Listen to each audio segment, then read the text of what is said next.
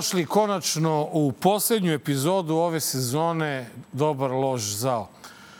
Iza nas je puno, puno epizoda i prvi put smo radili od septembra do kraja jula bez prekida i sve što je lepo ima kraj. Tako, rekli bismo slobodno, i najgledanija sezona Dobar lož zao u kratkoj istoriji prvog srpskog političkog špageti Isterna. Nažalost, ovo je ujedno bila i sezona uh, u kojoj je došlo do uh, razlaza između Marka i mene, tako da je Marko u televizoru, a ja u studiju. Mare, čao. Jo, brate, ne znam šta priča, lepo, jedno od najlepših sezona. Ne? Brate, u ovoj sezoni počeli smo u septembru. U septembru uh, je bilo takozvano primirje, ja sam to nazivao novo normalno. I tako ti je to kad ti se odbiju sobstveni uh, izrazi o glavu, jer evo ti šta je ispalo na kraju novo normalno. Od februara do kraja jula, dakle, ja snimam sa televizora, ti snimaš tamo, imaš 60 različitih video nadzora, neću da govorim gledalcima Kakvi? gde su. Da. A nije, ali imaš. A, ja sam pod zaštitom strane države i Međunarodnog pen centra, kao i ti. Ko stigne, nema ko nas nije zajahao. Naši drugari iz opozicije su sred međusobnih svađa se, nas se odrekli, stavili na crnu listu, režim o tome da ne pričam, o nama u parlamentu svakodnevno i tako. Znači, e, da ne pričamo o pretnjama koje smo dobijali sve ovo vreme, ti Nenade, kad je neki tamo psovao patrijarha, ti si dobio, a Dobio ti si izlazio pretnje. iz crkve. Bo ne, ti je ovo dobio pretnje. Ti si, brate, izlazio demonstrativno iz crkve, bre. Aj, oj, što je psovao patrijarha, njemu se to maklo, pa se pokajao, sam zna, pokajao se, rekao, Bože, izvini, ne znam šta, ni ne znam šta sam činio. Ali ti, ti si nisi pokajao što si izlazio iz crkve. I naravno, ljuti vernici ti pretili smrću, njih sedmoro. Nenade, srećom, pa živiš u državi u kojoj se to rešava. Koliko pretnji je rešeno? Nula. Šta? Čak nula. Dva. Čak Nula. nula. One od ovih novih sedam nula. Nula. Nula, da. A dobro, to je standardni broj. I eto, svemu što je lepo dođe kraj, Kraj, što da. bi ti rekao. Tako da mesec dana pauze. Pauze, e, da. Da, o, sad sledi ono najgore, sledi zakon o eksproprijaciji svega i legalizaciji svega nelegalnog, sledi zakon o privatizaciji 23 javnih preduzeća, Dakle, Početak nove čudo- školske godine. A, Da, sam početak, da li mi ćemo tu negde da uklizimo tačno u sam početak školske, Školske godine, godine. ne brinite, i tu, i tu nastavljamo samo jako, isto, isto u istom stilu, osim što će Ma nećete ne... ni primetiti da je bila pauza. A da, da, Ovaj. ićete na more. Da, e, pre nego što odemo na more, vreme je da malo i popričamo o onome šta se dešavalo protekle nedelje, a nešto što je možda i najzanimljivije, to je formiranje pa onda i prekid rada anketnog odbora koji je trebalo da ispita okolnosti vezane za dva masovna ubistva, kako u osnovnoj školi Ladislav Ribnikar u Beogradu, tako i u selima u okolini Mladenovca i Smedereva. Formiran anketni odbor koji će ispitati dva masovna ubistva u maju. Predsednica Marinika Tepić, njena zamenica Biljana Pantić-Pilja. Ovaj anketni odbor ne sudi nikom, ne bavi se krivicom nečijom, ne bavi se oštećenima, ne bavi se svedocima.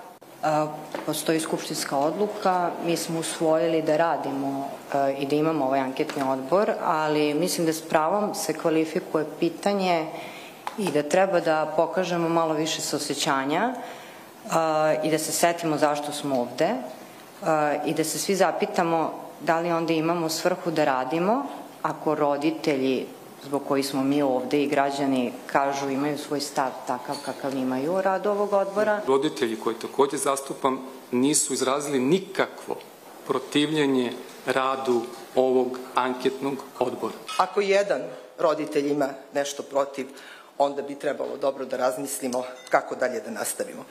Mi predlažemo da se ovaj anketni odbor ukine. Prekida se rad anketnog odbora, saopštio predsednik Narodne skupštine Vladimir Orlić. Povod za odluku pismo pravnih zastupnika roditelja dece ubijene u školi Vladislav Ribnikar. A, te, ovaj, a, anketni odbor je nama naša borba dala a, da imamo Mariniku za maršala i Pilju za la, ma, a, vice, pop... vice maršala. Vice maršal. A, dakle, ono što je zanimljivo, to je donošenje a, donošenje tog anketnog odbora, izglasavanje njegovo pod određenim velom tajne. Mi smo za taj anketni odbor čuli Ovaj, ček samo ovu dlaku da sredim, ne znam, gde, gde si krenuo. Ovaj, mi smo za taj anketni odbor čuli tek kada su počeli da se svađaju Boško Bradović i Marinika oko toga ko će biti predsednik anketnog odbora. Dakle, niko nas nije obavestio da je opozicija odnela veliku pobedu, da je protest odneo svoju prvu pobedu, jer taj anketni odbor, iako popuno debilan zahtev, je bio među onih pet, šest zahteva, dakle, nije bilo ni smene Gašića, nije bilo ni smene Vulina, nije bilo ni ukidanja Pinka i Hepija, ni Rema, ali bio anketni odbor. Radomir Lazović iz Zeleno-levog fronta, kako se to čudo sada zove, je rekao mora, anketni odbor, moramo da pričamo, do duše u Skupštini još jedan anketni odbor donosi još jednu kintu. Naš nije ni to loše, za naše drugare. Ovaj, e, elem, oni su tražili anketni odbor, vrete, neko im ga je dao. Zašto je uopšte dat anketni odbor?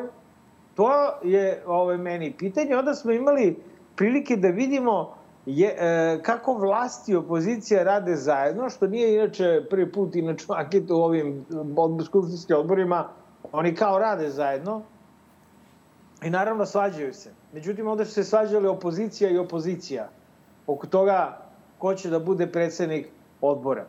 I onda su se tu mešali roditelji i rekli da nas neko što pita. I boga mi dobar spisak roditelja na strani onih koji a, nisu za anketni odbor. Tu su i neki roditelji koji zastupa ovaj Olenik, a, oni jesu, to jest ne da jesu, nego nemaju ništa protiv anketnog odbora. I onda ga je Orlić ukinuo. A, I to dosta govori o situaciji u srpskoj politici, a, o, o to kako je nastao, kako mi za to pojma nismo imali, nego smo iz medija saznali da postoji tako što se opozicija svađa unutar tog anketnog odbora. Pilju smo videli posle dužeg vremena. Da li je Marinika baš pričala kod nas u emisiji o tome kako se Pilja ponaša u parlamentu upravo prema njoj. Je li Marinika to bila, Nenade? O, ne sećam se. Neka gospođa. Ne, ne, ne, ne, Bilja, Bilja Stojković. I ne znam ko je. Podsjetite nas, dragi gledalci, dobri ste u podsjećanju. O, a, dakle, a, neko je pričao kako Bilja, u, o, pi, pardon, Pilja u, u Skupštini bukvalno šišti i kre, kre, ovako radi. Aaaa! a, mislim da to bila Marinika. Ovaj, a, I vidiš sada kako nema a, sad je kao, znaš, kao Pilja je fina, Marinika je fina, a Boško pravi a, znaš, znači, brate, bolje je ipak da nema ovog anketnog odbora. Ne znam, ja se na, sa tobom ne slažem. Ti bi voleo? Ja bi voleo zato što je taj anketni odbor mogo da pokuša da uradi nešto što... Pa, da, nešto što, pa pokušao, sigurno bi pokušao se bori za neke stvari da se pokažu i dokažu koji, za koje ja mislim da su bitni i da su uh, veoma neophodne u celoj ovoj priči. Ono što je jako bitno, taj anketni odbor nije njegova svrha bila da presudi nekome i da utvrdi krivičnu odgovornost nekome, nego da ukaže na neke okolnosti koje su ovaj učinile sve to što se dešava, naročito kada je u pitanju tragedija u Mladenovcu, jer svi znamo da je čovek koji je izvršio taj masovni zločin, da je on bio ranije na dohvat, bio je u, u sistemu i mogao je da bude e, odavno sankcionisan i možda ne bi uradio to sad kad je uradio. Druga stvar, ono što mene strašno boli u celoj toj priči, to je taj spisak koji je objavljen 3. E, e, maja u 13.15 na konferenciji za štampu na kojoj su prisustvovali ministar tada obrazovanja Branko Ružić, ministar policije Bratislav Gašić i e, šef Beogradske policije Veselin Milić. Oni, evo, već skoro tri meseca utvrđuju kako se došlo do e, toga da se taj spisak pojavio u javnosti i nisu ga utvrdili kao da ta konferencija za štampu nije bila i Orlić i cela vlast ne reaguje na taj apel i na taj zahtev roditelja, ali reaguje na e, zahtev dela roditelja da se ukine anketni odbor. Ono što ja mislim da je napravljena greška, a to je što je taj anketni odbor kad je formiran, on je morao odmah da održi jednu sednicu zatvorenu za javnost, gde bi pozvao roditelje stradale dece iz Ribnikara i Mladenovca i da im objasni o čemu se radi. Ako u tom slučaju ne bi dobili saglasnost roditelja za dalji rad, onda bih mogao da razumem. Ali ovako e, mi mnogo toga nije jasno. Uopšte mi nije jasno čak kada vidim ko su advokati dece, roditelja stradale dece koje su e, taj zakte Skupštini podneli. Ništa mi tu nije jasno a ovo što si rekao, s druge strane, imamo opet Oleneka koji je i član tog odbora i e, pravni zastupnik e, roditelja nastradalih. Tako da sve ovo meni govori o tome da se nešto veliko prećutkuje, zataškava. Ajde, i da nekome nije u interesu to da se pojavi. I baš bi odbor... Ne, ja ne bi, ne kažem... U kome, velika, u kome većinu ima režim, e, uspeo to, pa, da išta napravi. Ti ja, si mi prvi Nenade rekao čekaj, Marko, da, je odbor, e, da je odbor Piš živi zato što je u njemu većinu imaju naprednjaci, zato što Jeste. su u njega dovukli svoj treći šalon i da taj odbor zapravo, o, ti sad pričaš nešto drugo, ja sad, naravno, poznato je da ja volim naše razgovore privatne da prepričavam da, javno. ali, ali, ali tako to je, bilo, brate. Ali vidi, ono što sam I siguran... I potpuno si bio u pravu, sad ne. nisi u pravu. Po, uh, apsolutno sam siguran da bi se ljudi borili da uh, neko dođe pred anketni odbor i da bi cela javnost imala priliku da vidi da većina to ne bi dozvolila. Pa kak je, ej, druže, imamo Veselina Milića sa svojim spiskom i dalje kao e, šefa Beogradske policije i svi mi bez anketnog odbora znamo da taj čovjek ne sme više bude, možda treba budu zatvoru, brate, zbog toga što je uradio. Ili onaj ko mu je dao nalog da je to uradio. Jer nam treba anketni odbor da to utvrdi, koji pritom to neće da utvrdi, zato što ima obstrukciju većine. Ali znači, da, ali, ali bi barem pokušali, bilo bi evidentirano a...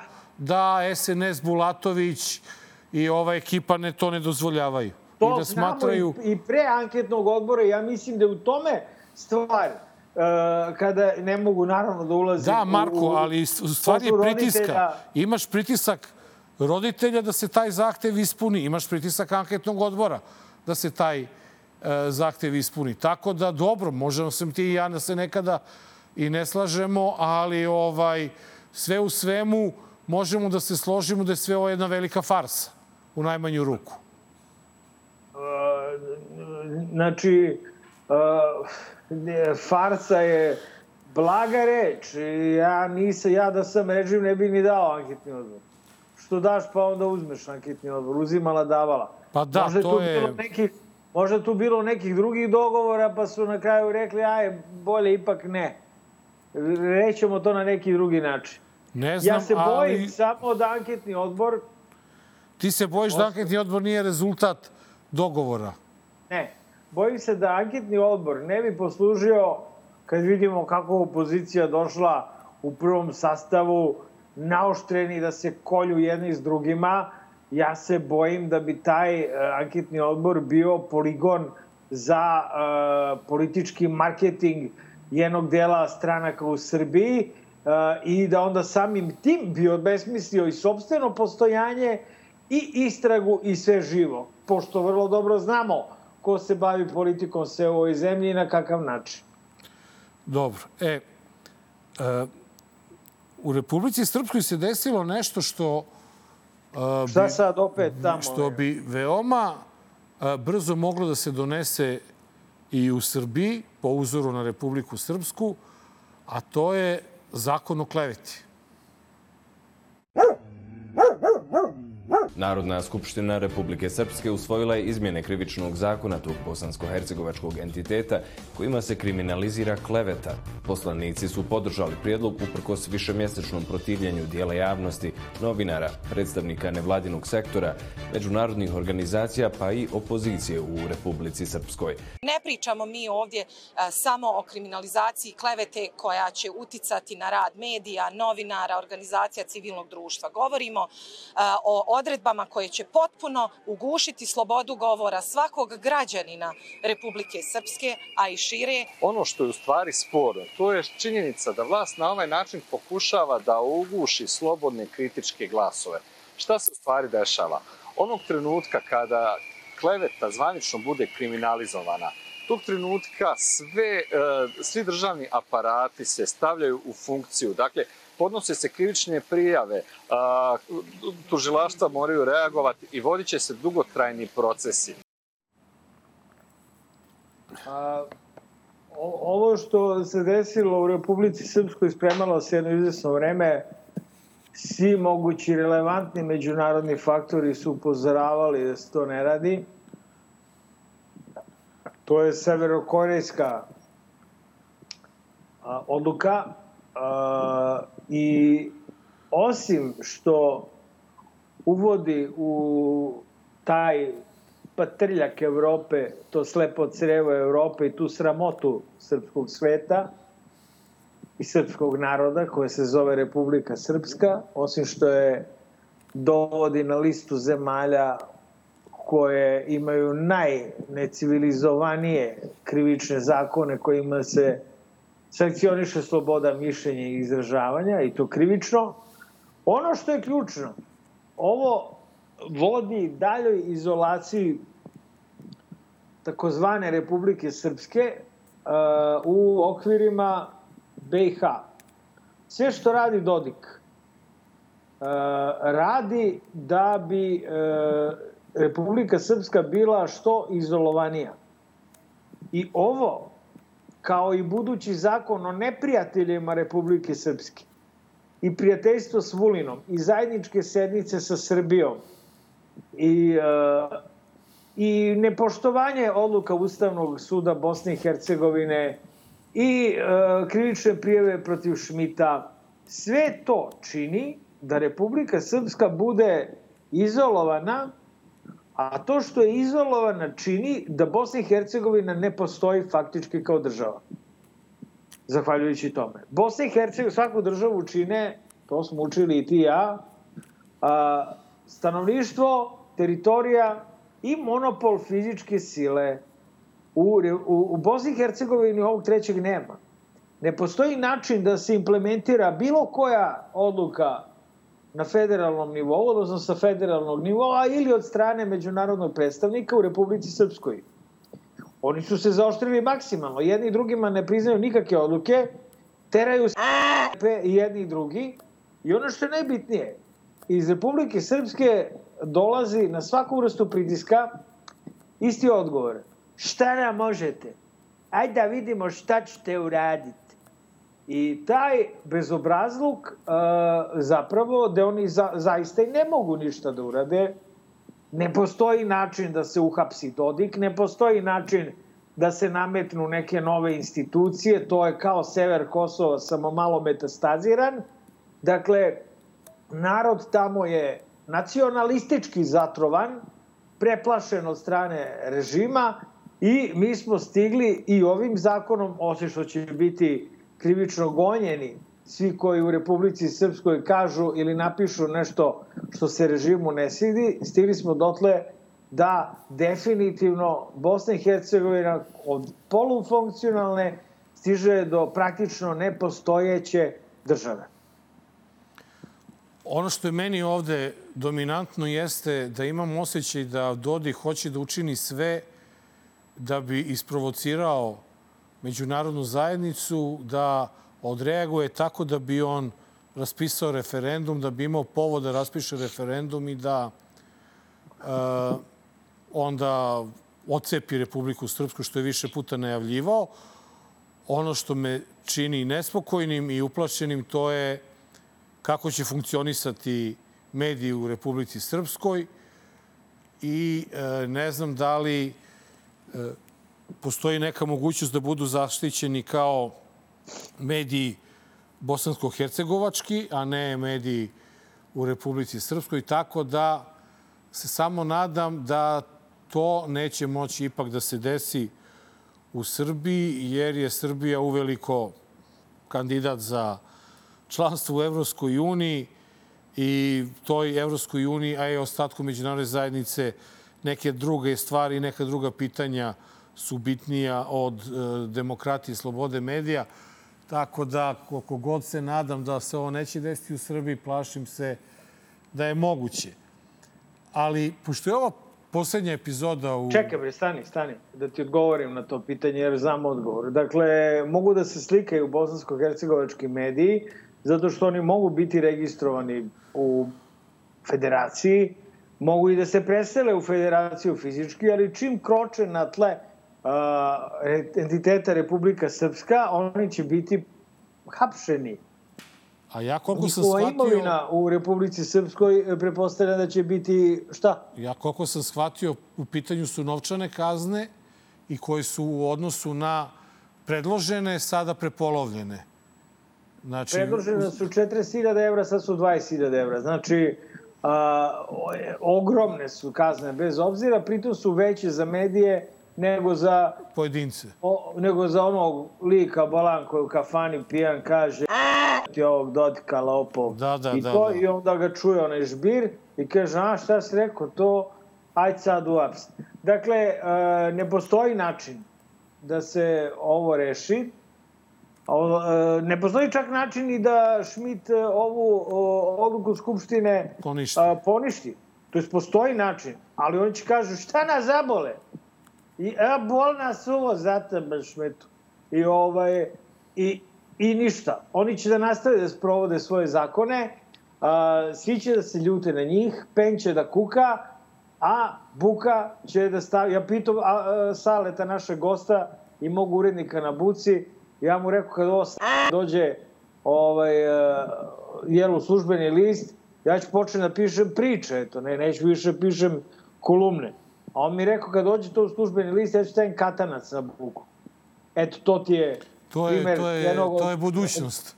To je budućnost i to je jedan od redkih nezavisnih medija, kao što znamo, u Republici Šumskoj.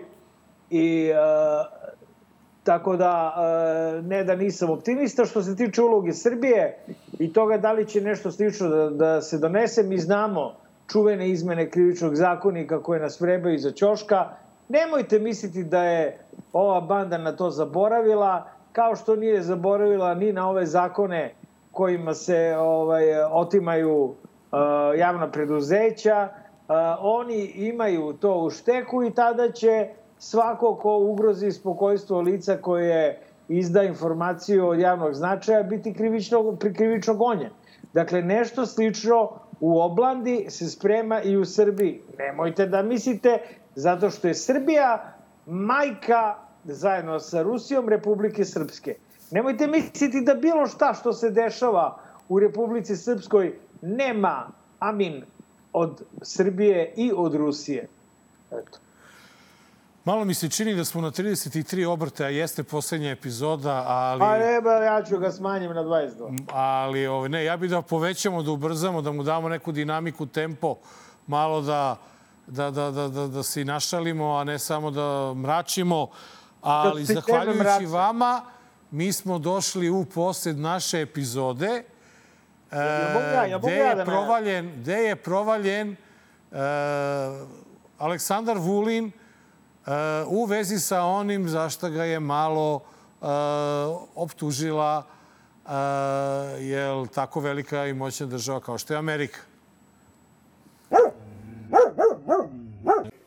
Ja od predsednika Vučića, za koga znate koliko poverenje imam u njega i svi vi sa mnom, nisam tražio ni mesta na listi, ni mesta u vladi. Tražio sam i dobio sam samo pravo da budem prvi koji će krenuti u izbore, da budemo prvi koji će krenuti u juriš za odbranu Beograda, u juriš za odbranu Srbije, da budemo prvi, kao što smo uvek bili prvi. Hoću da ponovo stanemo uz predsednika Vučića, hoću da budemo jedni kao nekada i hoću da pobedimo zbog Srbije.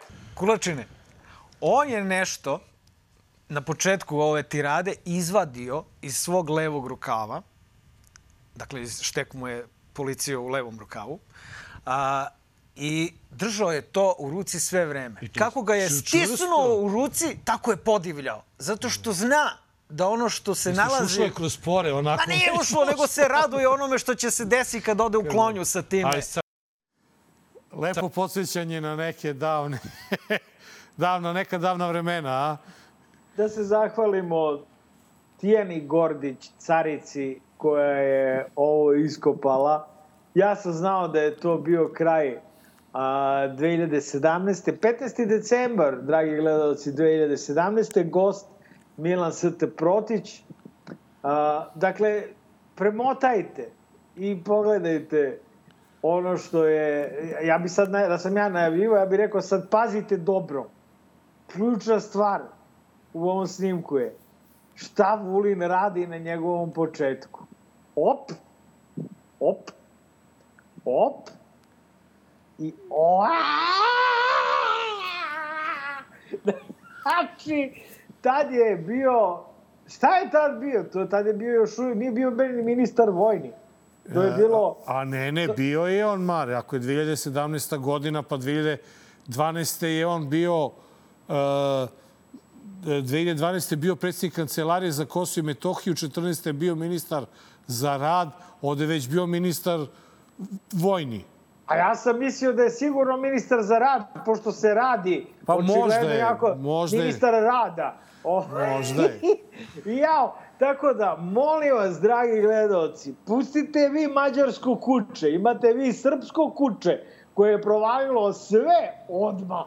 I da vam kažem jednu malu tajnu, uh, ja sam imao u Lepoti i zdravlju kolumnu, odnosno proznu kolumnu koja se zvala Ispovesti jedne Jovane tokom 2017. Sve je išlo proza. Neki pisac sreće neku ribu, stalno po gradu, oni tako nešto, ništa politički. Jel? Kako sam ovaj, ovo rekao u ovoj emisiji, zovu mene iz redakcije sledeći dan i kažu, matori, ne možeš više da pišeš za nas. Ako što? Pa ova poslednja kolumna koja ti izašla mnogo, mnogo jaka, ima nekih scena seksa i to. Ja kao, pa dobro, ali vi ste pročitali i pustili kolumnu i to. Nije, bunili su se oglašivači i tako. Posle ja saznam da je, odmah posle saznam, jer, jer mi je bilo čudno, rekao, šta je bre ovo? Dobro, ima keve možda sa Vulinom proradi meni. I rekao, jedino što sam, ovaj, Vulin je iz neke Vojvodine, lepota i zdravlje iz neke Vojvodine, i meni rekoše da osoba veoma bliska Vulinu radi u marketingu ili je tad radila u marketingu lepote i zdravlja i sad ja nemam dokaz, ali kada sabereš osobu blisku Vulinu u marketingu lepote i zdravlja i to što sam ja upozorio na vreme našeg druga ministra u šta može da se deskalira njegov hobi, ovaj, eto, tako da sam ostao i bez jedne kolumne, verovatno zbog ovoga, eto, male trivije za kraj školske godine. Eto, Mare je ostao bez kolumne, a Srbija, srpska reprezentacija ostala bez Jokića. Što se tiče Jokića, sa njim je obavljeno nekoliko razgovora.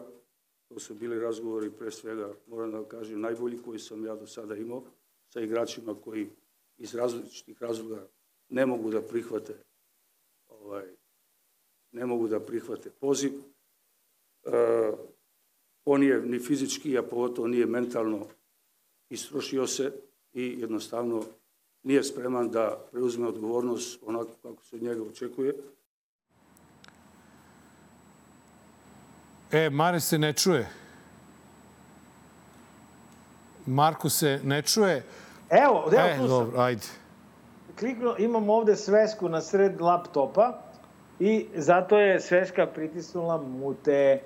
Dakle, baš sam se potresao što potpisnik podrške Aleksandru Vučiću i učesnik na inauguraciji predsednik Aleksa, ovaj, Jokić, a, e, kako se on zove, Aleksandra Jokić? Nikola. Kako zove? Nikola Jokić. Nikola. za Jokića. Najbolji igrač planete i sve to. Neki put dođe, neki put ode. Njemu je sve oprošteno, on je SNS. Išao je u prodavnicu, rekla mu žena što si visok, mogo bi budeš košarkaš, ha ha ha, svi su se smejali, sad će da kažu, ajde ti Mare, brate, ne možeš ni obruč da pogodiš, gađam ja sve što treba, braćo i sestre, nemojte se blamirati, nemojte se mnogo ložiti i nemojte, vrate, ni da budete strogi prema Jokiću, njegovo je puno pravo da ga za reprezentaciju, on je reprezentacija sam po sebi. Videli smo u krajnjoj liniji prošle godine da jedan Jokić kada je cela reprezentacija, jel se sećate vi to, veli sve jedini koji prati košarku? Nije bila cela, bilo je mnogo, mnogo izostanaka je bilo i tad. Pa prvi nije Bogdanović igrao. Teo zbog sam operacije. da kažem, kada je cela reprezentacija bila podređena Jokiću, dakle, Pešić išao na to da, ok, i, znaš, kao neka Dirk Novicki, uh, ili ovi Španci, znači ono kao, imaš Jokića i sve na Jokića. I zaista je to išlo. Okay. Znači, uh, oni krenu prvu, če, ovaj ne može, brate, mrtav, vreme ima dva metra, em ždere, kad dođe tamo u ovu, o, ždere čvarke, jebi ga, i, i kavurme, razumeš, pa se onda švrlja okolo u, u japankama, pa to nije dobro za, za, za atletsko stopalo. I okay, krenu oni da igraju, prva četvrtina odlepe se 20 razlike, onda Jokić umoran sedne, onda ovi drugi se približe, onda treća četvrtina opet Jokić odlepi i to je nekako igralo, jebi ga do onog ovaj, meča sa Italijanima. Videli smo dakle da jedan Jokić i da se igra samo na Jokića ne ide, jer on naš ima nedostatak motivacije. Vidimo, on ima hronični nedostatak motivacije. Ja bih rekao da je on možda malo i depresivan, a ne može čovjek koji nije depresivan da iz čista mira podržava Vučića, je li tako? Da. Znači, ko podržava Vučića, njemu mora fali neka daska u glavi. Naročito ako je najbolji igrač uh, uh, košarke na svetu. Jer Jokić nije podržavao Vučića kao ni ovaj mali ovaj, Đoković. Ni više ni mali, či čekanja, bre, 36 godina ima. Ali, brate, oni podržavaju Vučića dok su, dok su najbolji na svetu u svojom sportu. Znači, jasno je da sportisti fali im daska u glave za te, glavi za tenisere, smo znali da nisu baš normalni, vidi se po našem Đokaju isto to, ali brate, ovaj Jokić ti kad vidiš da dečko je depres, dečko je u depri i znaš ono, ja mislim da on treba da ode tamo kod klubskog psihijatra u Denveru i ode tamo mu prepiše medi, ovu marihuanu, tamo nije, nije više ni medicinska, da duva, brate, neku veselicu, neki, neku sativu i da se malo raspoloži. Mnogo je on, znaš, za nekoga ko je najbolji na svetu, mene zabrinjava njegovo ponašanje. S jedne strane je melanholičan, ok, možda lala je pa zato, a sa druge strane podržava uporno Aleksandra Vučića. Prema tome zabole me da li će da igra za reprezentaciju. E, pa, brate, ako te zabolilo, mogu si malo kraće budeš da bi ja mogao da bude malo duži. Pa, ajde, da ja malo, epizoda, da malo ja nešto kažem. Rekli su nam da možemo da produžimo 16 minuta. Da, da. Ali ja ću citirati jednog mog dobrog druga, ovaj, Ajde, Rakića, koji je, koji je u stvari po meni najbolje definisao Jokića, a to je da je Jokić u stvari ponaša i da živi život jednog gastarbajtera. Znaš, ono, gastarbajter ode u Nemačku, radi tamo na ovoj nekoj kako, građevini najbolji je tamo na toj ovaj ga časti, da mu veću kintu odnosu na druge, bolji ugovor, bolje poslove, levo, desno. I onda kada dođe ovde, ko pušte slanca, opija se, peva narodnjake, ide na trke, jede burek, jede čvarke, što bi ti rekao. I ovaj, nema nikakav osjećaj za, za bilo šta drugo. I ono što je meni uvijek bilo čudno, tako, kako, na primjer, Janis ili e, ovaj mali Slovenac, Luka Dončić, sa posljednje utakmice sedne avion i dođe na pripreme Slovenije. Njemu je to ono, mada on dete Real Madrida u Sloveniji verovatno nije ni trenirao. Ali ja se divim tim ljudima koji su tako nešto spremni da urade, a ovi naprednjaci, ti kažeš da je on, da on podržava naprednjake, a ti naprednjaci se diče pričamo o srpstvu, o tome da je Srbija tu, da je Srbija ovo, to, tri prsta, levo, desno, i onda kao nema motivaciju, depresivan sam. Ono što mene samo tu izluđuje, nemam ništa protiv. To je njegov izbor, neko on radi kako hoće, koga nema, bez njega se i mora i može. Ali onda više nema, brate, kad odbiješ da igraš za reprezentaciju, onda si odbio i tu više ne možeš. Šta sada tebe ja zovem sledeće godine da igraš, uopšte me ne zanimaš, precrtao sam te i idi na, na, na, na trke konja i, i pi pivo ispred prodavnice i uživaj, mislim, dok ne krene sledeća smena. Tako da... E, može to tako, možda će sledeće godine bude raspoložen. Ma da, pa ja gledaš... Raspoložen, da, a, a ovi momci što su uspeli da jedva se izbore da se plasiramo na to svetsko prvenstvo, ne mogu da idu na to takmičenje zbog tih zvezda koje kao i, i, i, i ovaj Micić isto i on kao sad nešto ne može, a sledeće godine kad pukne u NBA-u bit će mu potrebna ta reprezentacija da bi dobio novi ugovor. Tako da meni malo što bi ti rekao pun kufer svega toga. Uh, baš sam se razočarao s obzirom da je Jokić poslednju utakmicu odigrao 13. juna i toliko je depresivan jadan da ne izlazi iz kafane i da vidi ne vadi pa, flašu piva. On nije, nije u stanju da igra, bre, brate, lik je, lik je brate, Ma, bre, čovjek, bre, udara cigle tamo i zida i od tomu je život. Briga ga i za taj po... On je, bre, čovjek, boli ga uvo i za nagradu MVP-a i sve drugo. Važan mu taj Tako ugovor je. da odradi važan i boli ga uvo. Važan mu je samo A mi... Znači, Nenade, da, ne, ne SNS, Vučić. To je da. ako ga on podržava. Da e, da sad neka ga Vučić zove telefonom, pa neka spašava sada i kaže, alo bre, kako bre, mi naprednjaci volimo Srbiju više nego bilo koga, ti sada piješ pivo i ne možeš da ideš za reprezentaciju. Što je najsmešnije, Amerikanci koji šalju neku, neki, uslo, učini bi se da kaže onako, treće pozicije ovaj, na, na, na, na svetsko prvenstvo su se jako iznenadili jer su oni tipovali da će ipak Jokić hteti da pokuša da osvoji to svetsko zlato, ali eto, ovaj, e, njemu je nešto draže u ovom trenutku.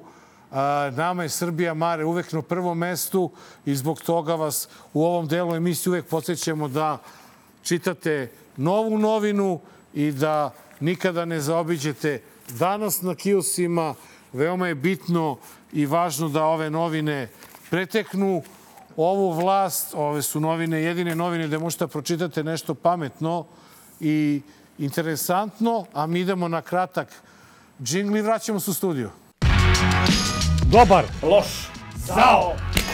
Dragi gledalci, 267. izdanje, evo Nenad mi šalje, vapa je, Mare, ajde da požurimo, evo požurit ćemo.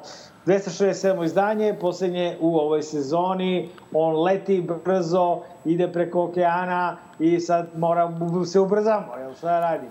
Naš gost po ne znam koji put, ali uvek, uvek probija sve rekorde gledanosti i vi, dragi gledalci, znate zašto je to tako dobri, Sloba, Stupar, ponovo u Dobar lož zao. Slobo, čao. Ćao. Uh, Mare, inače, treći put nam je gost. Treći put u Dobar lož zao, e. Slobodan Sloba, Stupar. Slobo, kako ti se sviđa Srbija od maja do danas? Je se to nešto poboljšalo ili se pogoršalo? Pa ja imam utisak da sve tandrče, ništa ne funkcioniše kako treba.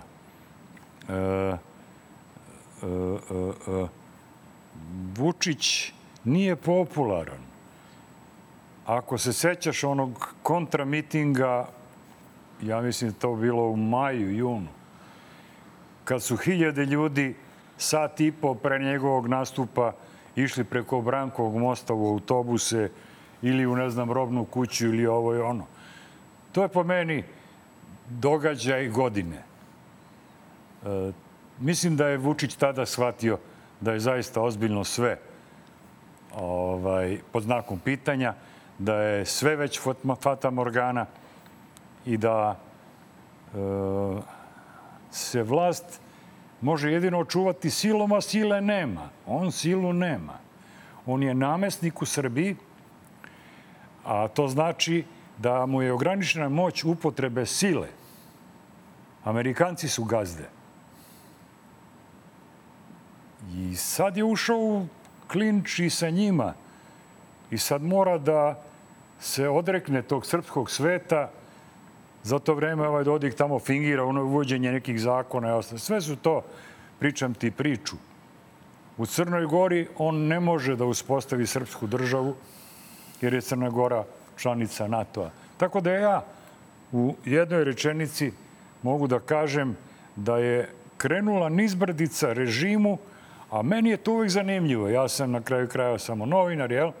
I ja volim kad krene takva nizbrdica. E, šta misliš, dok li će da dovede ta nizbrdica? Gde to, ona vodi? O, e, Srbija je e, jedna mala bara u Evropi sa puno krokodila i na ovu vrućinu isparava i smanjuje se količina vode i krokodili i će između sebe da se jedu. Puno je ljudi u Vučićevoj ekipi koji se toliko namlatilo para da su to cifre koje teško možeš da, da pročitaš. E, ti ljudi, a ima ih dosta, ne mogu da smisle više Vučića i plaše se Vučića. I spremni su da urade mnogo šta protiv Vučića, da bi oni preživeli. Jer ako sam se ja nakrao milijardu evra, pa znaš kako lopov čuva pare? Mnogo bolje nego ti i ja. Da, da. I sad Vučić da dođe kao Putin, ej, ti Pero 2 miliona, ti 10 miliona, ti 5 miliona, ti 8 miliona, vidiš da nam budžet slabo se puni, daj da pomognemo, vidiš, ljudi teško žive, skupa ona korpa i tako dalje i tako dalje. E, oni se plaše te situacije kao đavola i spremni su da se suprotstave.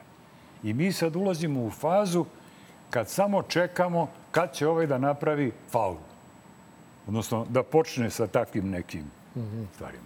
E, kad dođe do tog faula, sudija svira ovaj, faul, jel? ali nastaje haos. I ja mislim da se onda igre ne nastavlja, jer je haos do te situacije dok se sve ne raščivija. A raščivija se se onda kad režim, odnosno Vučić, konačno shvati da ni on ni brat više nisu ništa. Da su isto ono što su bili kad su bili u bloku 45. Da li je moguće to da će da shvati? Apsolutno. Srbija je fenomenalna zemlja. Sve je moguće. Ovde je sve bajka. I završava se uvek s udarom glavom u zid. I sad mi živimo život bajke porodice Vučić, koji će se naravno završiti udarac, udarcem u glavu u zid i onda ćemo ponovo da pitamo Hila, a šta ćemo sad? Jel? Mare, Pa ja ti mi zabranio da pričam. Rekao, kaže, moram na avion i ti pusti me ja da vodim intervju i... Nisam ti to nikad rekao. Sam ti rekao u prvom delu malo da ubrzamo da bi imali više vremena za gosta. Imam poruku. Ja sad ću pa u koliko sati, Šarim. pogledaj. U koliko ovaj, sati je poslato? E, nema veze, veruju meni gledalci. Znaju oni kakav da, si ti. Da, da, Slobo, Ovaj, e, te sam te pitam, da li, dakle, sad, o, kako se bližimo faulovima i kraju utakmice i to, a, sve što pričaš deluje kao da taj lom dolazi iznutra. A koliko, ovaj, koliko ulogu ima uh, u tom lomu ono što se dešava, uslovno rečeno, s polja? Mislim tu na proteste i mislim tu na opoziciju koja ne radi za Vučića? E, kad je svoje vremeno bilo blizu kraj vladavine e, Miloševićeve, jedan od visokih funkcionera e, opozicije, kasnijeg DOS-a, pitao me, malo, malo pa me pita, a hoće ovi stranci da ruše Miloševića? Ja rekao, pitaću ih. I ja odem i onda se mi sretnemo posle nekog vremena, kaže, jesi pitao? Rekao, jesam. I šta kažu? Kažu, neće. Neće da ruše Miloševića, nego čekaju da vi rušite, a oni će da pripomognu ako bude bilo potrebe. E, otprilike, e, tako, i ovo, tako i ovo danas. Onaj drugi deo pitanja, već sam zaboravio, smatrajući ovo jako bitnim, da kažem – da ćemo mi sami rešavati pitanje e, vladavine u Srbiji, da će režim biti smenjen, e, da će ga Srbi smeniti, a ne Amerikanci, ne znam nija koji, Rusi, ne znam nija šta i tako dalje i tako dalje. I moram reći da imamo još jednog zanimljivog igrača u SNS, to je SPC, To je ruska ispostava u Srbiji sa svim elementima i bez Hrista. A umesto Hrista igra rezervni igrač ovaj, koji se zove Sveti Sava.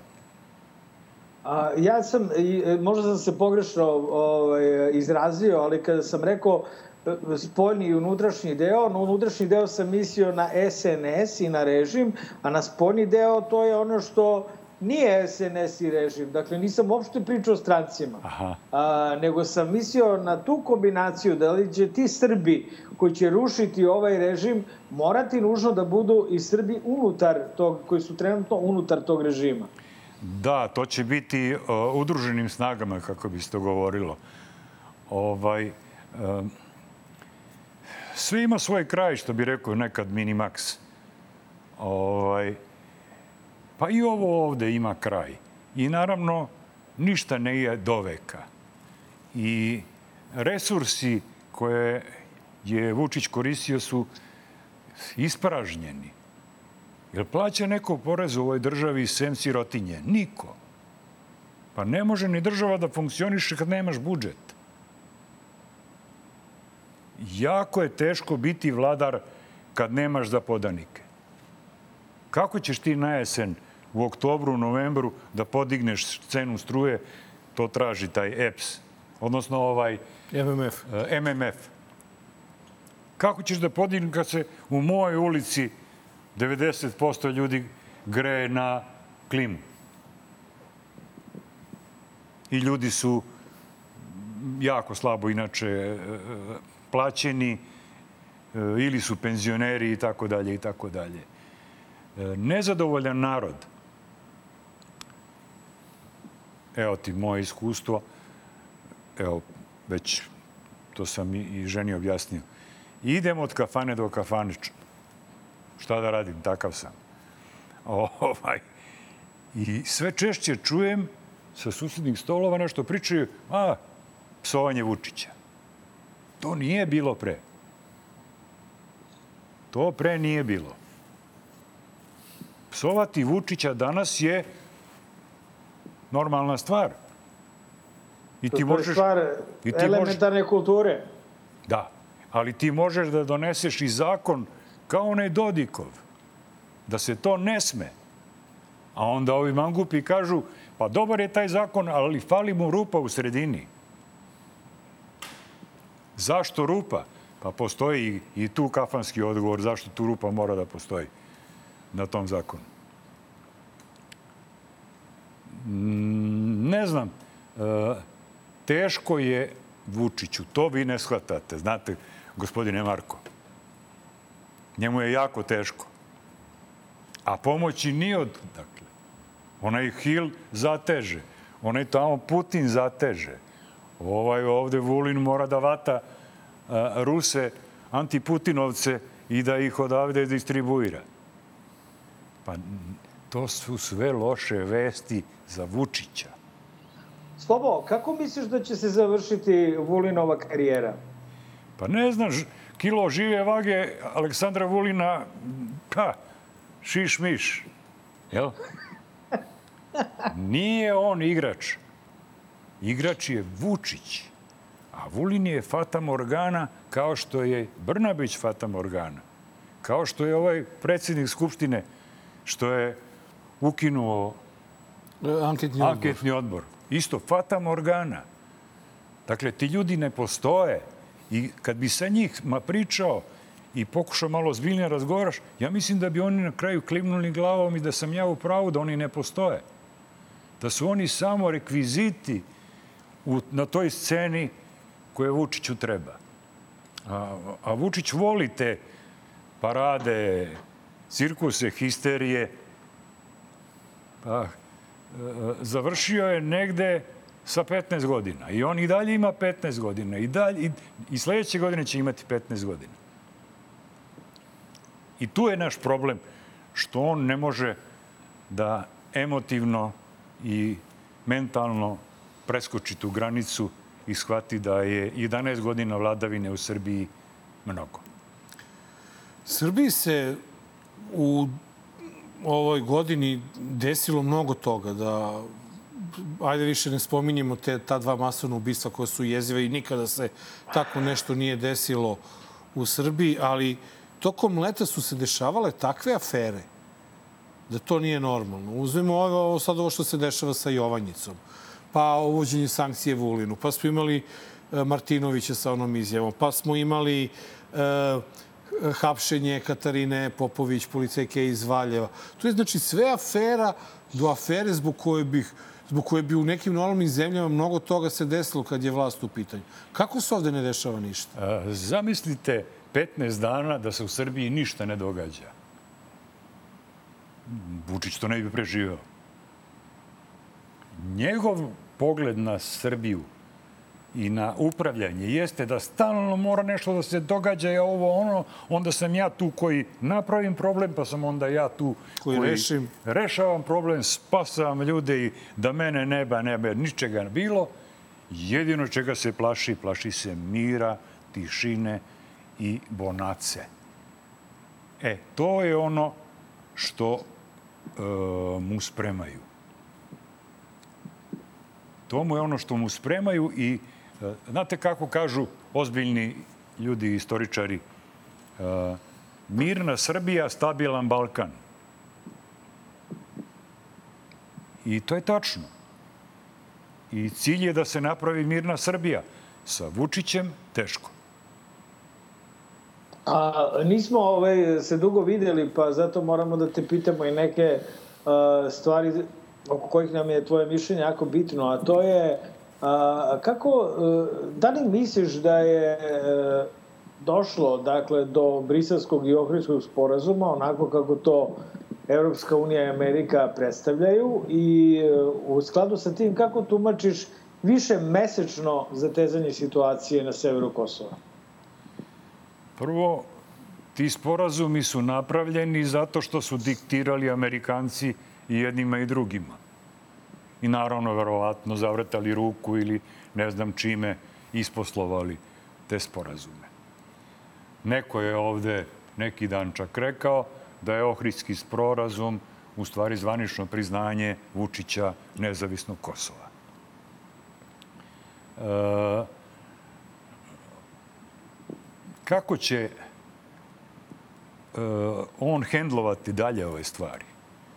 Ja mislim da su stvari ishendlovane. Pitanje je samo, pa ja ne znam, nekog kraćeg vremena da ovde, na primjer, napravi neku galamu veliku i ovo i ono, a da umeđu vremenu e, Kosovo bude primljeno kao ne znam koja članica e, Ujedinjenih nacija. A da se mi pravimo odavde da nemamo pojma i ako se pojavi ta vest, to nije bitno, to je laž, to je, ne znam, nije ovo, ono i tako dalje i tako dalje. Propaganda. Ali da, a da li misliš da je realno da to sve bude gotovo do kraja godine s obzirom da e, ulazimo u izbornu godinu u mnogim važnim e, državama Zapada? Tako je to, je, to je vrlo bitno pitanje.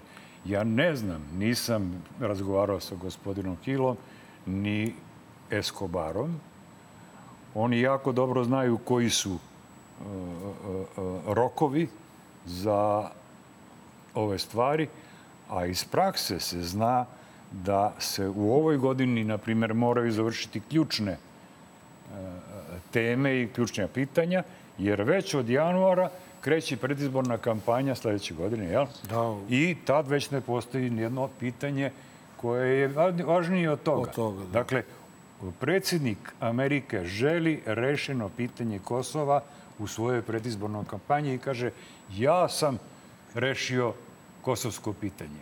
Ja sam rešio kosovski problem. Nije ga rešio ni Trump, nije ga rešio ni onaj pre mene, ni onaj tamo ga nije rešio, nego sam ga ja rešio. To je jako, jako važno za predizbornu kampanju. Kad ti možeš takvim nečim Da, izađeš. kako ako je Vučić e, pion u rukama Amerikanaca koji su gazde njemu, kako onda to već ne završava? Mi imamo problem, kako je to jedan profesor moj davno govorio, imamo problem tajne države. To znači, mi vidimo da se stalno nešto razgovara, ali nemamo stvarno pojma šta se razgovara. Dobijamo neke izjave ili saopštenja koja ne znače bukvalno ništa. E, Kad gledaš izjave, e, imamo nekog progresa, ali ne znam, nije ovo, ono, vamo, namo. Gospodin Lajčak je usavršio srpski jezik Da, on govori srpski kao na maternji. Balkanu, govori fenomenalno i nisam siguran da nije i materijalno zainteresovan za dužinu pregovora. Aha. Znači, u tom grmu čuči zekonja.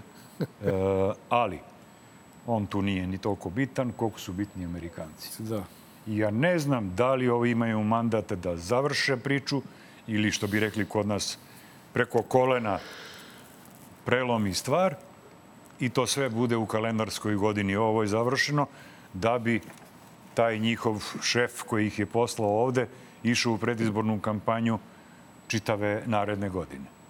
Sa rešenim kosovskim, Kosovskim pitanjem, da. A kada je reč o Rusima, kakav je njihov uh, uticaj ovde? Priča se dosta o toksičnom uticaju Rusa. Eto i Amerikanci koji su sproveli sankcije Vulinu kažu da on ima ma, da širi maligni uticaj Rusije. Evidentno je i da Dodik uh, širi maligni uticaj Rusije u Bosni i Hercegovini, ali eto, pošto čujem ti to onako ne bih rekao ni podaštavaš, ali, ali po tvom mišljenju to nije baš toliki uticaj. Ja mislim da je najjači utisak preko crkve. Mhm. Srpska pravoslavna crkva nije samostalna. Ona je, otvoreno to pokazuje, deo Ruske pravoslavne crkve. Svi njeni interesi moraju pre svega da zadovolje interese Ruske pravoslavne crkve.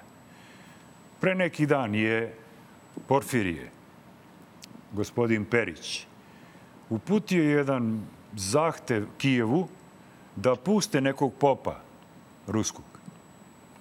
I zamisli ti da on posle dve, posle godinu i po dana krvi do kolena, neverovatno surovog rata Rusije i Ukrajine, izgi, pa izginulo je stotine hiljada ljudi već. On umesto da kao hrišćanin se založi za mir, pregovarački proces i ovo i ono. I onda usput pomene popa. Znači, krajnje usput pomene popa. Ne, on uradi ovo. I sad ja razmišljam, jesi li ti oficir KGB-a, imaš epolete, a preko toga si obukao onu mantiju. Pa sumnjiv si mi, dečko. Znam To ga je- još iz e, Rema. Kad su me pitali svoje vremeno za njegovo postavljenje za predsjednika RRA, kako se zvalo ono? Da, da, RRA. Ja sam rekao, to je stvar morala. Mene da su zvali i da su mi ponudili, ja bih rekao, ljudi, odnosno mene da su zvali iz nuklearnog centra u Vinči. Ja bi im se zahvalio, rekao bi, izvinite, ali ja sam iz fizike bio vrlo loš, a iz Boga mi iz hemije. Tako da zahvaljujem na pozivu, ali ne mogu. Ja to ne bih mogao da uradim. E, tako sam odgovorio uh, uh, Periću na to što je prihvatio da bude šef ovaj, ideološke komisije nad medijima u Srbiji. Da, Slobo, ali, ali e, toj crkvi, dakle, vlada ove države, odnosno SNS, donirala 75 miliona evra poslednjih par godina za takozvano završenje hrama Svetog Save, čitaj pranje para ili korišćenje para. Mi vidimo da je crkva a, svoj maligni uticaj tim parama širila i u Crnoj Gori, verovatno i u Bosni i Hercegovini. Oni plaćaju svoje New Age četnike takozvane, mim stranice. Dakle, režim, očigledno, crkva, režim i Rusija, to je praktično isti tip. Kako možemo da pročistimo tu našu crkvu, jel? Mi kao, evo, tri super vernika, onako, kako, kako možemo sredimo tu stvar da ta crkva zaista bude srpska, a ne ruska? E, ako se malo duže pamti neko, e, setit će se da je 80. godina u crkvi se odjedno pojavljuje Sveti Sava. PR crkve radi ubrzanim tempom, Sveti Sava je prisutan svuda i tako dalje i tako dalje. A ja tad primetim još da nema Hrista. Da je Sveti Sava rezervni igrač ušao umesto Hrista. I od onda crkva ima slobodu da bude vrlo ratoborna, jer se to zove svetosavlje. Vrlo ratoborna i u pripremi rata, i tokom rata, i nakon rata. Dakle, crkva je desna ruka. A ono što je bitno, to možete vidjeti i u Rusiji danas. Crkva istu tu ulogu igra u, uh, na ruskoj pozornici političkoj gospodina Putina. Uh, prema tome, a, u Srbiji uh, se hri, hrišćanstvo nije baš primilo, što kažu Nikad Onako kako preterano. bi trebalo. Nikad preterano. Da Ovaj, Mi ono- jesmo u Srbiji, jesmo pravoslavni, ali na- onako. Onako. O, ono što je zanimljivo, njega sam Jer pročitao... hrišćanstvo zabranjuje da kradeš, da ubijaš, da poželiš tuđe i ne znam ja. A Da, da, nije, ne, ne ide... Ko će to sad? A Sveti Sava se nije bavio tim A trivialnostima. Sveti Savak tamo posle. Ovaj, Mane, ne znam da li, si, da li si pročitao negde kako je e, svojevremeno e, e, pokojni kolega Saša Tijanić zvao našeg e, aktuelnog patrijarha. Kako? Profitiri. Aha, to, sam, to aha. sam pročitao da, su ga, da ga je tako prozvao baš u vreme kada je bio ovaj, e, šef RRA. Pa i ja imam taj utisak da on nije bio baš Više utisak za celu crkvu nego, nego samo Da. za njega. Da. da on kao učenik uh, uh, Irineja i kao čovjek odabran kao Irinejev uh, lik pripreman za patrijarha. Patrijarha, da. Ja Irineja znam, mi smo vršnjaci. Samo ja sam odavde, a Irine je došlo vlakom bez voznog reda gore negde kod Sombora. I otac mu je bio šef NKVD-a za Hrvatsku. U. 45. godine. Vrlo jak, jak Mnogo igrač. grehova mora očevih do kalja. Vrlo jak igrač, razumeš? Na šta je u to vreme bilo? pa kako je mogo Ne, sin, sin da on ode u popove ako je bio šef NKVD? E, to je stvar službe. Dakle, mi smo nasledili, naša služba je nasledila od ruske službe, da od 45. ti imaš više sinova, a naši ljudi, dakle, iz službe, moraju makar jednog da daju u Da popove. daju u popove, da, da. I ovaj mora da da u popove, i onaj mora da da u popove i tako dalje. Tako da u sinodu mi imamo kontrolu neku, jel? Ne može to tako. Pa ne može Ovaj- 46. da, da sinod radi šta god hoće. Da, da, pa jasno, neće moći, jel? I onda se to od 46. na vamo održalo. Šta ćeš? A, da, meni je preporučeno upravo iz režije da se ne vatam patrijarha toliko, pošto jednom kad se to desilo, ovaj, epizoda je nestala sa YouTube-a. Tako da... Jaka služba, jaka služba.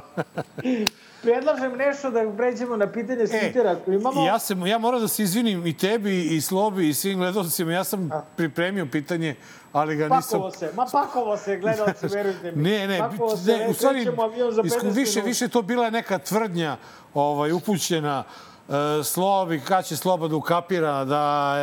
E, pa sam hteo o tome da popričamo. A onda dosta je bilo pitanja zašto Sloba blokira e, ljude koji imaju suprotno mišljenje, mislim, to svi radimo, da se ne lažemo. najpametnija stvar koja stvar koja postoji, ali iskoristio bi priliku, Marko, ako se slažeš, da e, pitam e, Slobu da li veruje da će svemoćni naš Vučić da ipak pozove Jokić i da kaže Jokiću igraj za reprezentaciju i da to predstavi kao svoju pobedu u ovom trenutku kad su mu pobede neophodne. Jokić je toliko jači od Vučića Nemoj da pričaš. da ja ne znam ko misli da Kako? Misliš i finansijski jači od je. njega? U svakom smislu. 260 miliona nema Vučić. Jokić da kaže Ej. sada na televizoru da je Vučić smenjen, Vučić bi bio smenjen. Pa dobro, to nikad neće da, Da kaže. Vučić kaže na televizoru da Jokić mora da bude smenjen u Denveru, to se nikad ne bi dogodilo. Da, da. Prema tome, čija je jača? Ali Jokić Misliš, jači je ovaj, potencijal Jokićev? Daleko jači. Jači potencijal, to... Ostalom, sve vreme pričamo o tome da je istekao rok SNS-u, da ističe rok i vladaru, da je RTS kilav, nikakav, jadan, da su U svi ovi stvari, med... u stvari, Slobo, Jokić drži Vučića na vlasti. Tako To je. je buko. Onog trenutka kad Jokić udari šakom o sto, zatresu se oni čvarci i Tako pivo. je. I kaže, dosta je bre bilo sa ovim Ja sam Vučićem, pomislio, sve pada. kako je Gotovi. krenuo Marko, ja sam pomislio da će da kaže da ga Jokić drži. Ne, ne, E, sad sam ja Ti si u takav pravu. rečnik koristio. ti si u pravu. Ako Jokić to uradi, udari šakom o astal, gotovo. Da, da. On će to zadržati, Eto. neće objavljivati mediji, ali će početi mediji. Razumeš Da, da, da. puštaju. Da, da, da. Eto znam nama ko- naslova za epizodu. Jokić drži Vučića za vlast. Ne znam koliko Putin voli košarku, razumeš? Da. I pitanje, Sigurno pa ne Putin, voli. ne, ne, Putin ima pametnije stvari. On voli hokej, on je igrao hokej, Aha. on je hokejaš. A mi idemo na kratak džingl i vraćamo se u Magareći kutak.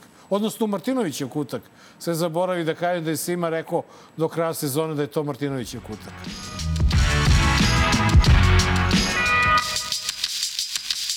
Dragi naši, dobar loš zao 267 s nama u studiju je e, naš kolega, uvek e, rado viđen gost u dobar loš zao Slobodan Stupar. Marko je na bezbednoj lokaciji i vidjet ćemo ga preko televizora.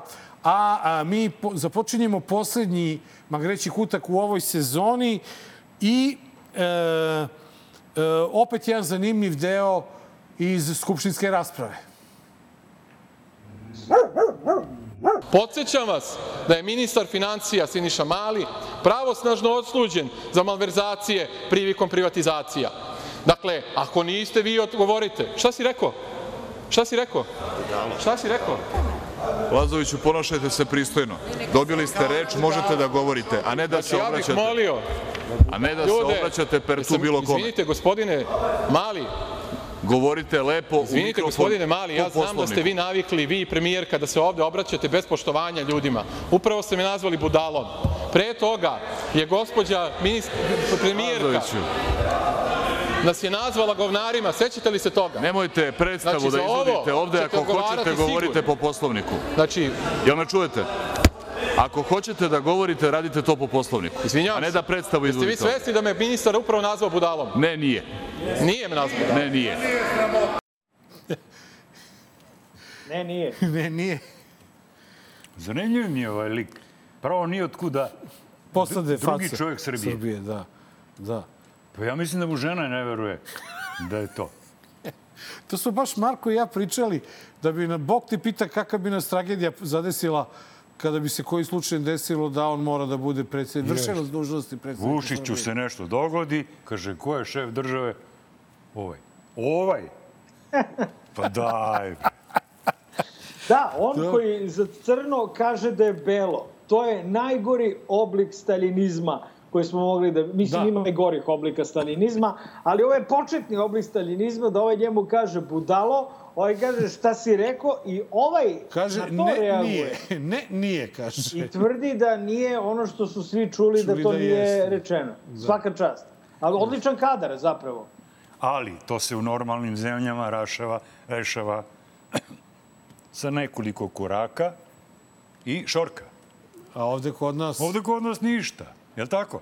Ovde E, kod nas to su napređenje. Deru, deru se preko stola. Deru Pa vidio si u stola. drugim zemljama kakva je šorka, milina jedna da gledaš. Čak i u, čak i u, u Prištini. Da, e, čak u Prištini se šibaju, ovi naši Jest. nemaju petu to dobro. Jasno je odavno da je Da. naša odmetnuta pokrajina raj demokratije u odnosu na ovo naše. Apsolutno. E, a jedinstveni su slučajevi u, u, dobar loš zao da u magarećem kutku završi neko iz opozicije. Evo, zahvaljujući e, bivšem članu demokratske stranke i socijaldemokratske stranke, a sada e, stranke Slobode i pravde, evo i jednog opozicionara u magarećem kutku. Ono što vas konkretno pitam, dakle, imali ste e, vrlo teške reči na račun i gospodina Đilasa i stranke Slobode i pravde. E, Da li je to bilo izrečeno u afektu, emotivno, kako ste rekli, pa to tada niste mislili, ili sada imate neki drugi uvod, pa mislite da ste pogrešili? Shvatate da je to ono što sve najviše interesuje. Kako je moguće posle ovako e, grubih reči da pristanete na saradnju i pristanete na članstvo u ovoj stranci? Pa Ja mislim da je ljudski da se neki stavovi, da se neki stavovi revidiraju. Kao što sam vam rekao, e, siguran sam da je svako od nas za nekoga u svom životu, da li je to neko sa posla ili neko iz rodbine u nekom momentu zbog spleta različnih okolnosti imao e, da kaže i neku, neku tešku reč. A, a ovo je meni reci, o, recivid komunizma. Oni su volili to što ovaj kaže da revidiraju.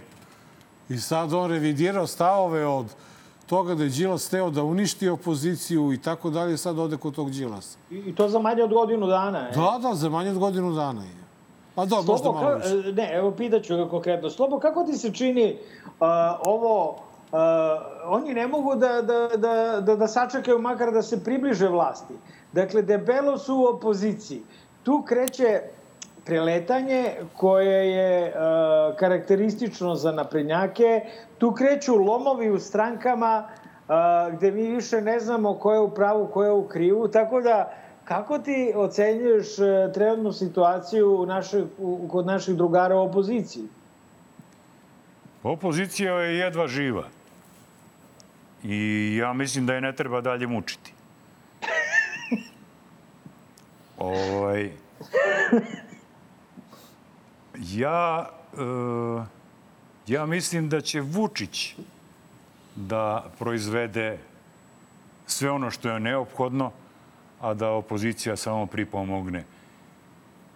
I tako je on napravio i ustrojio je ceo sistem da ne može niko da napravi i da sruši ovaj sistem do njega samog. I ja sad čekam kad će on da ga sruši. Nešto dugo traje. Ali... Pa ima još ljudi, da. pomenuli smo neke go, Jasno. gospodu, jel? Da. E, I drugove. Pošto je ovo kraj sezone, a ovo je stvarno, da, da, da sklonimo samo na, na sekundu ovaj, e, šalu na stranu, e, ovo je stvarno bila jedna od najtežih sezona DLZ, odnosno konkretno za Marka i mene, čime smo se sve suprotstavljali. I mi smo u principu godinu dana vodili rat sa vetrenjačama da u, ubedimo ljude koji dalje veruju da smo mi na televiziji, da mi nismo televizijska emisija, nego smo jednostavno podcast zato što se emitujemo na uh, internetu, a ne na TV ekranu. I kogod nas je pljuvao, napadao, uvek je pljuvao i napadao i televiziju, pa čak i televiziju N1 gde nismo ni bili. Nikada. Međutim, uh, jedan nas je provalio. Naprednjak, i to u parlamentu, apropo i one Markove priče s početka emisije, da smo često bili tema a, i a, u raspravi u parlamentu i a, meni je postao drago što nas je čovjek provalio. Sjetite se, ako želite, nekadašnje emisije, a današnjeg podcasta Dobar loš zao, koji se emituje na portalu televizije Nova, u kome one dve spodove, i sad nema tu vađenja, oni pokušavaju da se vade kao nije to emisija, to je podcast, nije to nikakav podcast, nije to nikakva nezavisna produkcija, to je produkcija Nove, gde one dve spodobe, jedan se predstavlja kao novinar, a drugi, da zlo bude još gore, se predstavlja kao pisac. Književnik, koliko su puta najotvorenije psovali Vučića, iznosili najgnusnije uvrede i psovke. Nagradu bi trebalo dati onom koji je u stanju samo da prebroji sve njihove uvrede, psovke i pretnje na račun Aleksandra Vučića. Dobro, Nenade, ajde ti voliš da brojiš. Ko je ovaj umetnik? I, e, Ko je ovaj? Ne znam kako se zove, stvarno ne znam kako se zove poslanik iz Srpske napredne stranke u parlamentu. A, ja koliko se sećam, psovka je bila jedna, Da. a, uvreda sad mogu- nije bilo, mogu drugu. uvreda nije bilo, a pretnji nula. Mi nikome nismo pretili u ovoj emisiji. Ja ga ne znam jer on se uopšte ne, nikad ne javlja za reč. Sad se javio, verovatno da se istakne u akciji. Ne, Jer- nego je stvar u tome da su oni e, imali raspravu, jel, e, u, tokom celog maja, tokom koje su targetirali Jovu Bakića pre svega, a, zbog nečega što, zbog mišljenja koje je iz- izjavio pre četiri godine, a, kada je PEN stao u zaštitu Jove Bakića, onda su malo stali. Umeđu vremenu se opozicija izblamirala zato što je Janko Veselinović u ime opozicije ogradio od Jove Bakića. Nas su jahali i ovaj, i ona Staša, i ne znam ko, bilo ih je nekoliko, ovo je samo jedan od primera, eto, zato što nije promašio da smo podcast, a ne televizijska emisija. Dakle, premijerka je lagala o nama ovaj, u istom tom parlamentu, da psujemo oca i majku predsjedniku svaki dan, da smo se radovali i naručivali ćevape od neću reći koga. Dakle, e, te lažovčine, sad možete i da bipujete, Bogu hvala, pa mu kažem pokvarenu. Dakle, držale su nas na meti, a naši prijatelji iz opozicije, koji su sve vreme bili meta tih napada, jer su sve vreme njih prozivali kako njihovi drugari, Nenad i Mare,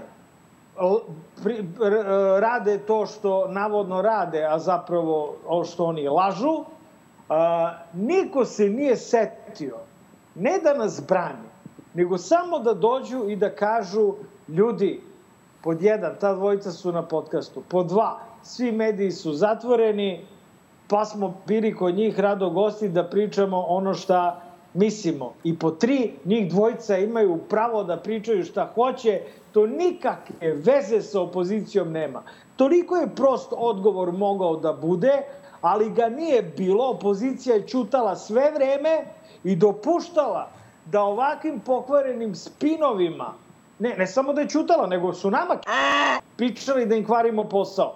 I da bi najbolje bilo da prestanemo da postojimo i da čutimo kako njih ne bi grdila a, pozicija u opoziciji. Tako da, eto, ovaj, hvala ovom kretenu, razumeš što je bio jedan od mnogih koji su po nama, ali hvala i opoziciji koju zaista nisam hteo do sada da delim savete, kapiram da su, što kaže Sloba, jedva živi pa ih ne treba dodatno mučiti, ali neko je morao makar na kraju sezone da se požali i da mi pokažemo svoje viđenje kako je to moglo vrlo lako i elegantno da se reši.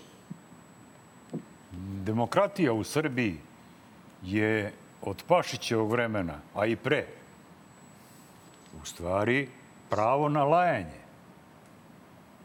Dakle, to je demokratija.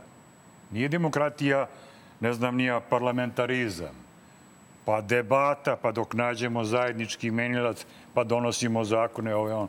Nego pravo na psovanje, pominjanje rodbine, ne znam, nije ovo ono, a može i neka šorka u parlamentu. Ma ne može nikad. Imaš, slična je slika iz narodnog poslanika Nušićevog, I to je to. To je, dakle, pravo na lajanje. Ja te učim da ti govoriš, ovaj dan, dan da ti pominju majku, sestru, strinu, a ti ne smeš ni da odgovaraš, nego moraš da nastaviš dalje svoj govor. Dakle, problem je što nismo se pomerili. I stalno neko vuče, drži kočnicu ovako, gume već smrde od tog kočenja, a Srbija mora napred. Jednostavno, Srbiju ne može niko više da zaustavi.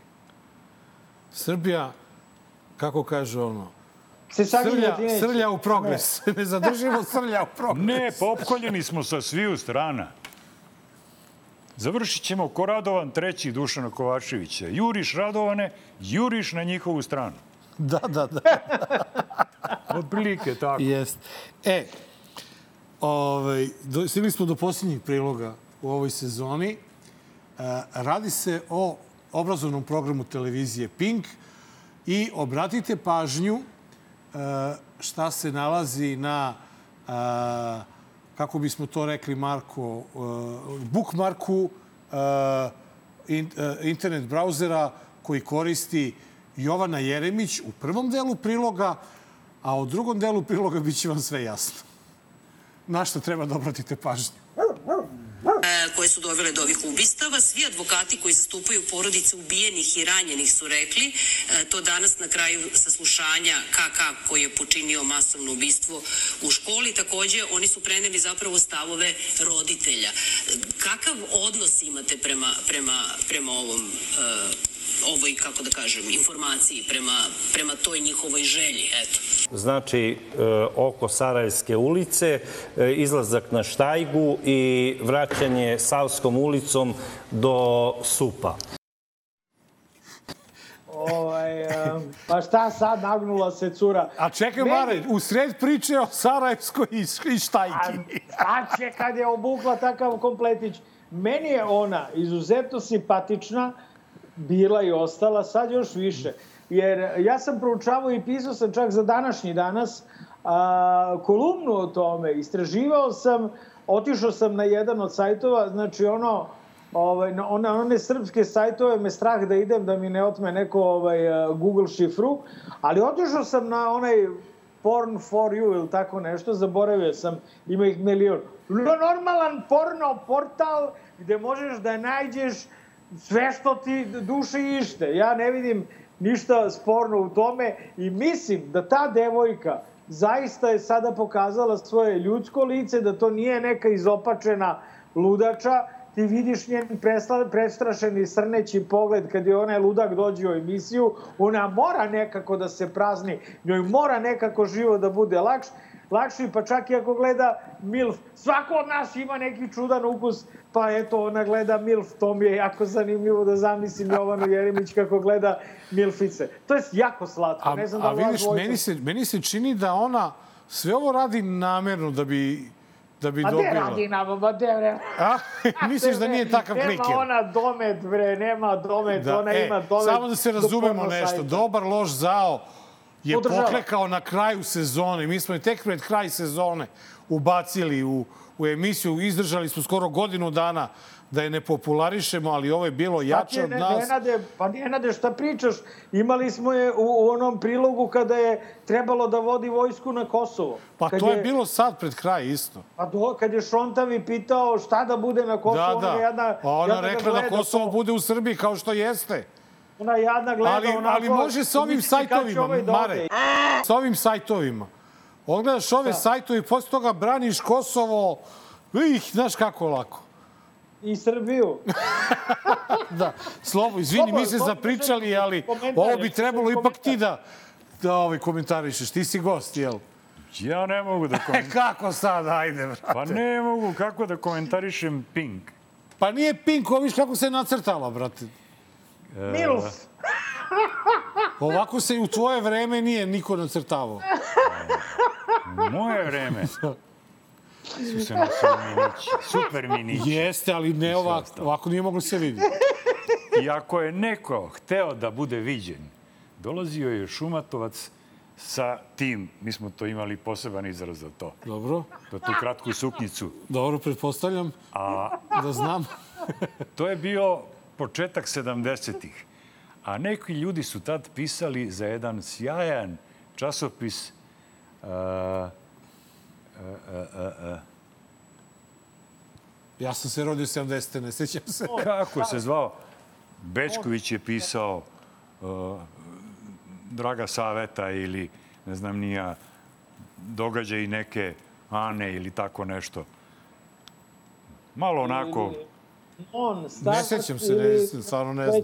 Ja sam, Ne znam, nisam bio, stvarno nisam bio. Ne znam, Rodio sam, vo- tek sam se rodio, bro. Kad u vojsku ulaziš, kad u kasarnu ulaziš i ako prokrijomčariš... Pa to je bio start kasnije možda. Ne, start je Start je kasnije, bio kasnije, nego pre. da. Ja, stavo mi mozak, ne mogu se setim. Dobro. Najprodavanijeg časopisa koji je ikad postojao. U istoriji. Ja mislim da je tiraž bio oko pola miliona. Zato ova ima najveći šer. Vidiš, malo se tu to promenilo. Ono je bilo za novine, a sad na televiziji. To je Mare, Čik. možda ti ja, bre, da Čik se... je bio. Čik se zvao. Čik. Čik, tako je, čik.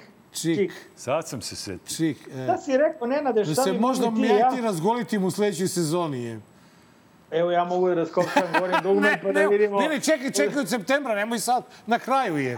Čekaj, čekaj, nemoj. Čekaj, malo dotiram liniju za mesec dana da smršam, pa da možem. Slobo, puno ti hvala što si bio naš gost u poslednjoj epizodi u ovoj sezoni.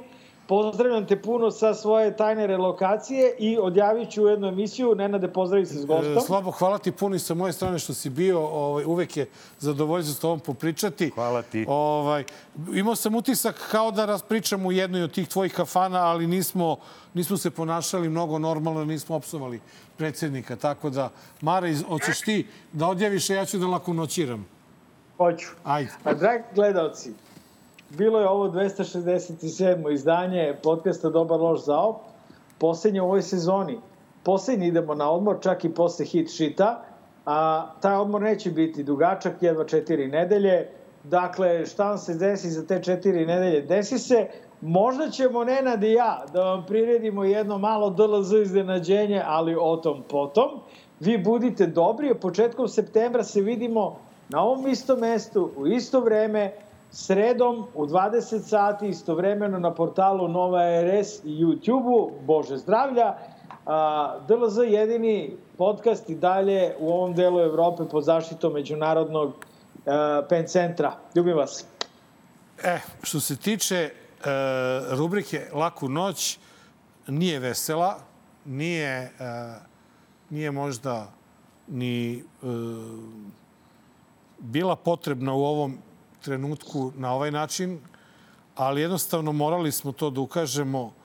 E, pomenuli smo nekoliko puta ta dva masovna ubistva i ono što je zanimljivo da je neposredno posle ubistva u osnovnoj školi Ribnikar ova dama, koju ćete imati priliku da vidite, govorila o tome kako njeno dete trpi vršnjačko nasilje u školi i u sred akcije da se vrate oružje, da se smanji nasilje u javnom prostoru.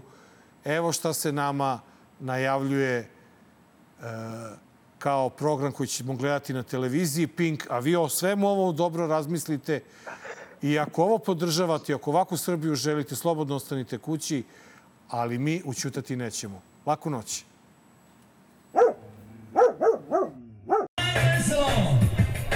Milice, šta radiš? Pucaj. Pucaj. Ma šta je, brate, puklo mi uvo?